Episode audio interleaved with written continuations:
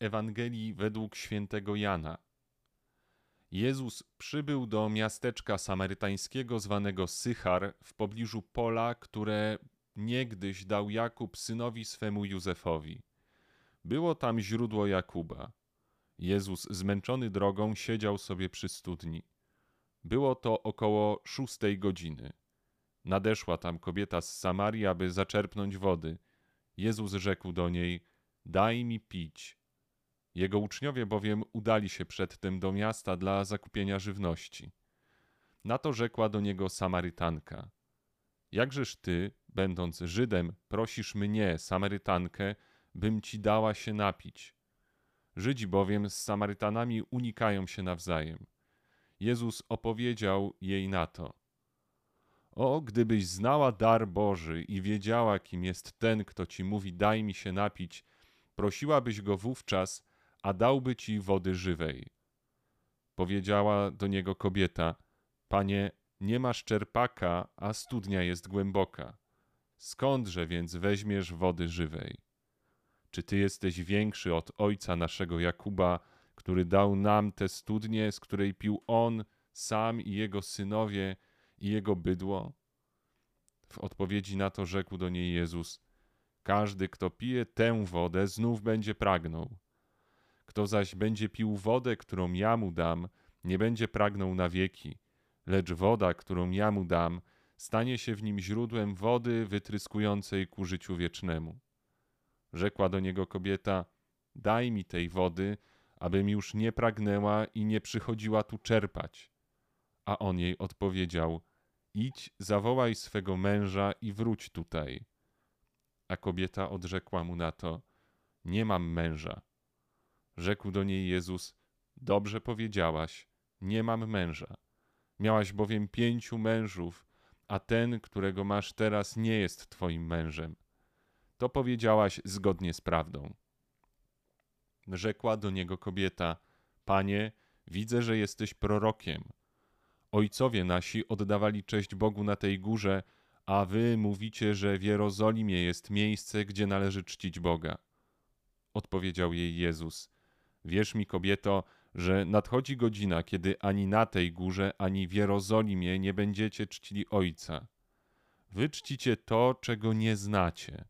My czcimy to, co znamy, ponieważ zbawienie bierze początek od Żydów. Nadchodzi jednak godzina, owszem, już jest, kiedy to prawdziwi czciciele będą oddawać cześć Ojcu w duchu i prawdzie, a takich to czcicieli chce mieć Ojciec. Bóg jest duchem. Potrzeba więc, by czciciele Jego oddawali Mu cześć w duchu i prawdzie. Rzekła do niego kobieta: Wiem, że przyjdzie Mesjasz zwany Chrystusem, a kiedy On przyjdzie, objawi nam wszystko. Powiedział do niej Jezus: Jestem nim ja, który z Tobą mówię. Na to przyszli Jego uczniowie i dziwili się, że rozmawiał z kobietą. Jednakże żaden nie powiedział, czego od niej chcesz lub czemu z nią rozmawiasz. Kobieta zaś zostawiła swój dzban i odeszła do miasta. I mówiła tam ludziom: Pójdźcie, zobaczcie człowieka, który mi powiedział wszystko, co uczyniłam. Czyż nie jest on Mesjaszem? Wyszli z miasta i szli do niego. Tymczasem prosili go uczniowie, mówiąc: Rabbi, jedz. On im rzekł: Ja mam do jedzenia pokarm, o którym wy nie wiecie. Mówili więc uczniowie jeden do drugiego: Czyż mu kto przyniósł coś do zjedzenia? Powiedział im Jezus: Moim pokarmem jest wypełnić wolę tego, który mnie posłał i wykonać jego dzieło. Czyż nie mówicie, jeszcze cztery miesiące, a nadejdą żniwa? Oto powiadam wam, podnieście oczy i popatrzcie na pola, jak bieleją na żniwo.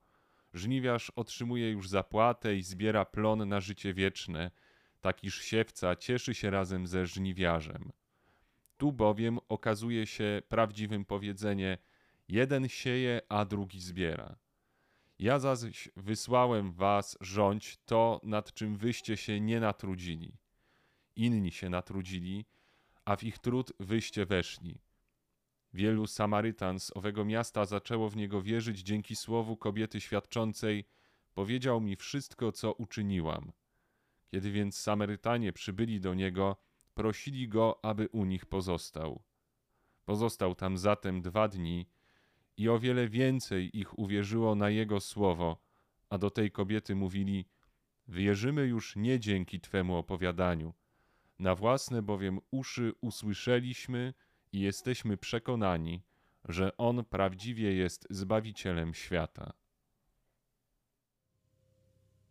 Czytamy dzisiaj fragment z Ewangelii według świętego Jana, długi fragment właśnie o rozmowie Jezusa z Samarytaną. Ale zanim przejdziemy do Ewangelii i do konkretnej tej sytuacji, najpierw odwołajmy się trochę do wyobraźni. Wyobraźmy sobie, że wędrujemy po górach. Mamy długą drogę na odległy szczyt. Co się po drodze dzieje? Po drodze mamy jakieś mniejsze pagórki, pomiędzy nimi przełęcze i w ten sposób wchodząc na kolejne pagórki, no bądź też schodząc na kolejną przełęcz, stopniowo wspinamy się coraz wyżej. Im wyżej się wspinamy, tym lepiej widzimy, tym dalej widzimy. Oczywiście na kolejnej małej górce czasem zdarza się, że robimy krótki postój, chwila odpoczynku, rozglądamy się z tego chwilowego prawda, wyniesienia, patrzymy z nowej perspektywy i w oparciu o to, co teraz widać, wybieramy dalszą drogę. I teraz popatrzcie. Coś podobnego teraz nas czeka. Dlaczego? Bo takie pagórki, na których się na chwilę zatrzymujemy, to są kolejne niedziele Wielkiego Postu. Kolejne chwile postoju w drodze na wielki szczyt paschalnego Triduum, czyli tajemnicy śmierci i zmartwychwstania Jezusa. Zwróćcie uwagę, że jak zajrzycie do kalendarza i policzycie starannie dni, to co widzicie? Post mamy 40-dniowy zawsze ogłaszany, ale niedziele nie wchodzą w zakres postu. W ten sposób, prawda, w tę niedzielę nie tyle wędrujemy, ile właśnie zatrzymujemy się na chwilę. Zatrzymujemy się na chwilę, patrząc na swoje życie, słuchając Słowa Bożego. Zatrzymujemy się po to, aby lepiej ogarnąć dalsze perspektywy naszej drogi. Dzisiaj słyszymy zaproszenie do spojrzenia z kolejnego pagórka. Ale tym razem nie jest to prośba o spojrzenie czy wstecz, czy do przodu, co innego. Skoro zatrzymaliśmy się na jakimś pagórku, nabieramy oddechu, regenerujemy trochę siły, trzeba przypomnieć sobie, że potrzeba nam czego? Potrzeba wody. Trzeba się napić. Jeżeli wędrujemy w górach, wspinamy się na kolejne szczyty, bardzo łatwo o odwodnienie. A w końcu wyczerpanie. Niemożność dalszej drogi pod górę. W Księdze Wyjścia słyszeliśmy dzisiaj, jak Żydzi pytali Mojżesza, czy po to wywiodłeś nas z Egiptu, żebyśmy poginęli? Żebyśmy poumierali z pragnienia? W Egipcie, gdzie nad Nilem wody było pod dostatkiem, tam Izraelici nawet nie zdawali sobie sprawy z tego, czym jest brak wody. Na to, żeby zdać sobie z tego, sprawę z tego, czym jest brak wody, trzeba wyjść na pustynię. Ale już na pustyni, jak słyszeliśmy, pojawia się inne pytanie. W tamtym kontekście ściśle związane jedno z drugim. Dlatego, bo kiedy Żydzi zostają wyprowadzeni z Egiptu na pustynię, wody nie ma, pojawia się pytanie, czy aby na pewno Pan jest wśród nas? Czyśmy nie zabłądzili, czyśmy nie poszli w złą stronę, czy gdzieś nie ma jakiejś takiej sytuacji, że Pana wśród nas nie ma. Teraz wróćmy na chwilę do tego, czego nas uczył już świętej pamięci papież Benedykt XVI. W jednej ze swoich nauk mówił tak. Na pustyni odkrywa się wartość tego, co jest niezbędne do życia. I tak we współczesnym świecie istnieją niezliczone znaki pragnienia Boga, ostatecznego sensu życia, często wyrażane w formie ukrytej czy negatywnej. Na pustyni trzeba nade wszystko ludzi wiary, którzy swym własnym życiem wskazują drogę do ziemi obiecanej i w ten sposób uobecniają nadzieję. Ale właśnie wychodząc od doświadczenia tej pustyni, od tej pustki, możemy odkryć na nowo radość wiary jej życiowe znaczenie dla nas, mężczyzn i kobiet. Tak uczył nas swego czasu papież Benedykt XVI.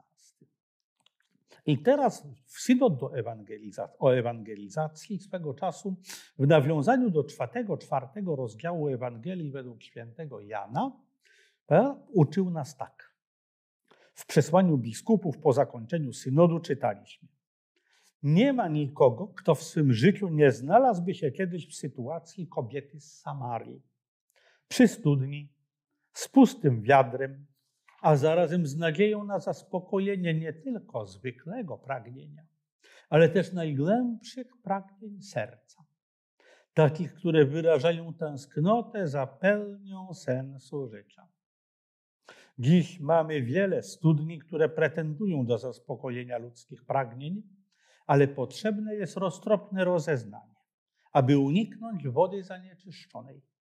Nie możemy ryzykować, że poszukiwanie skończy się niszczącym rozczarowaniem. Podobnie jak to uczynił Jezus przy studni Psychar, Kościół czuje się zobowiązany, aby usiąść obok współczesnego człowieka. Kościół pragnie, aby Pan stał się obecny w życiu każdego, aby każdy spotkał się z Nim, gdyż jedynie Jego duch jest tą wodą, która daje prawdziwe, wieczne życie. Tylko Jezus może czytać w głębiach naszych serc i objawiać nam prawdę o nas samych. On wyjawił mi wszystko, co uczyniłam, wyznaje kobieta z Samarii swoim sąsiadom. To oświadczenie zresztą potem jest powiązane z pytaniem, które otwiera się już na wiarę. Właśnie to, czyż nie jest On Chrystusem? Ta historia pokazuje nam, że ten, kto od napotkanego Jezusa otrzymuje nowe życie, czuje się przymuszony do głoszenia innym prawdy i nadziei. Nawrócona kobieta staje się posłańcem zbawienia i przyprowadza do Jezusa całe miasteczko. Ci ludzie z kolei od przyjęcia jej świadectwa przechodzą do osobistego doświadczenia spotkania. Mówią, teraz wierzymy już nie na podstawie tego, co nam powiedziałaś, lecz dlatego, że sami Go usłyszeliśmy, wiemy, że On naprawdę jest Zbawicielem świata. Pan naprawdę jest wśród nas. I jeszcze jedna krótka uwaga.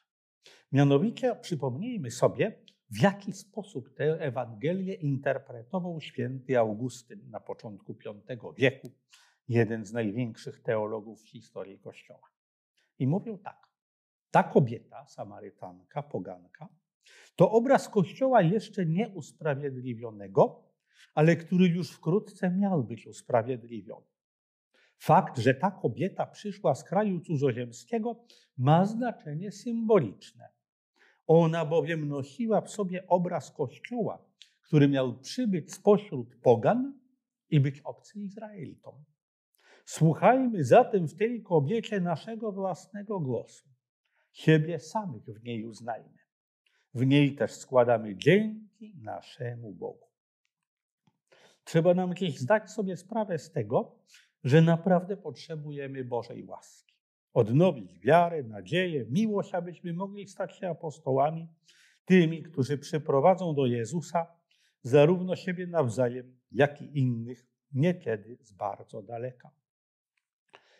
Dominikanin Jacques Lev, który potem rozpoczął misję robotniczą wśród e, pracowników portowych w Marsylii, stanął wobec zasadniczego pytania, jak napoić osla, który nie chce pić. Doszedł do wniosku, że jest jedno rozwiązanie. Trzeba mu pokazać drugiego osla, który pije.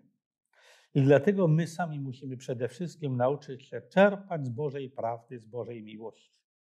Święty Paweł dzisiaj nas upewnia, Nadzieja nie może zawieść, ponieważ miłość Boga wypełniła nasze serca przez Ducha Świętego, który nam jest dany. Bóg okazuje swoją miłość do nas przez to, że Chrystus umarł za nas, kiedy byliśmy jeszcze grzesznikami. Dlatego ufajmy, że nasze świadectwo wiary, którego uczymy się na nowo w tym czasie Wielkiego Postu, że to świadectwo też może przynosić owoce. Bardzo sobie tego wzajemnie życzymy. Bez hojności naszych patronów nie byłoby tego odcinka.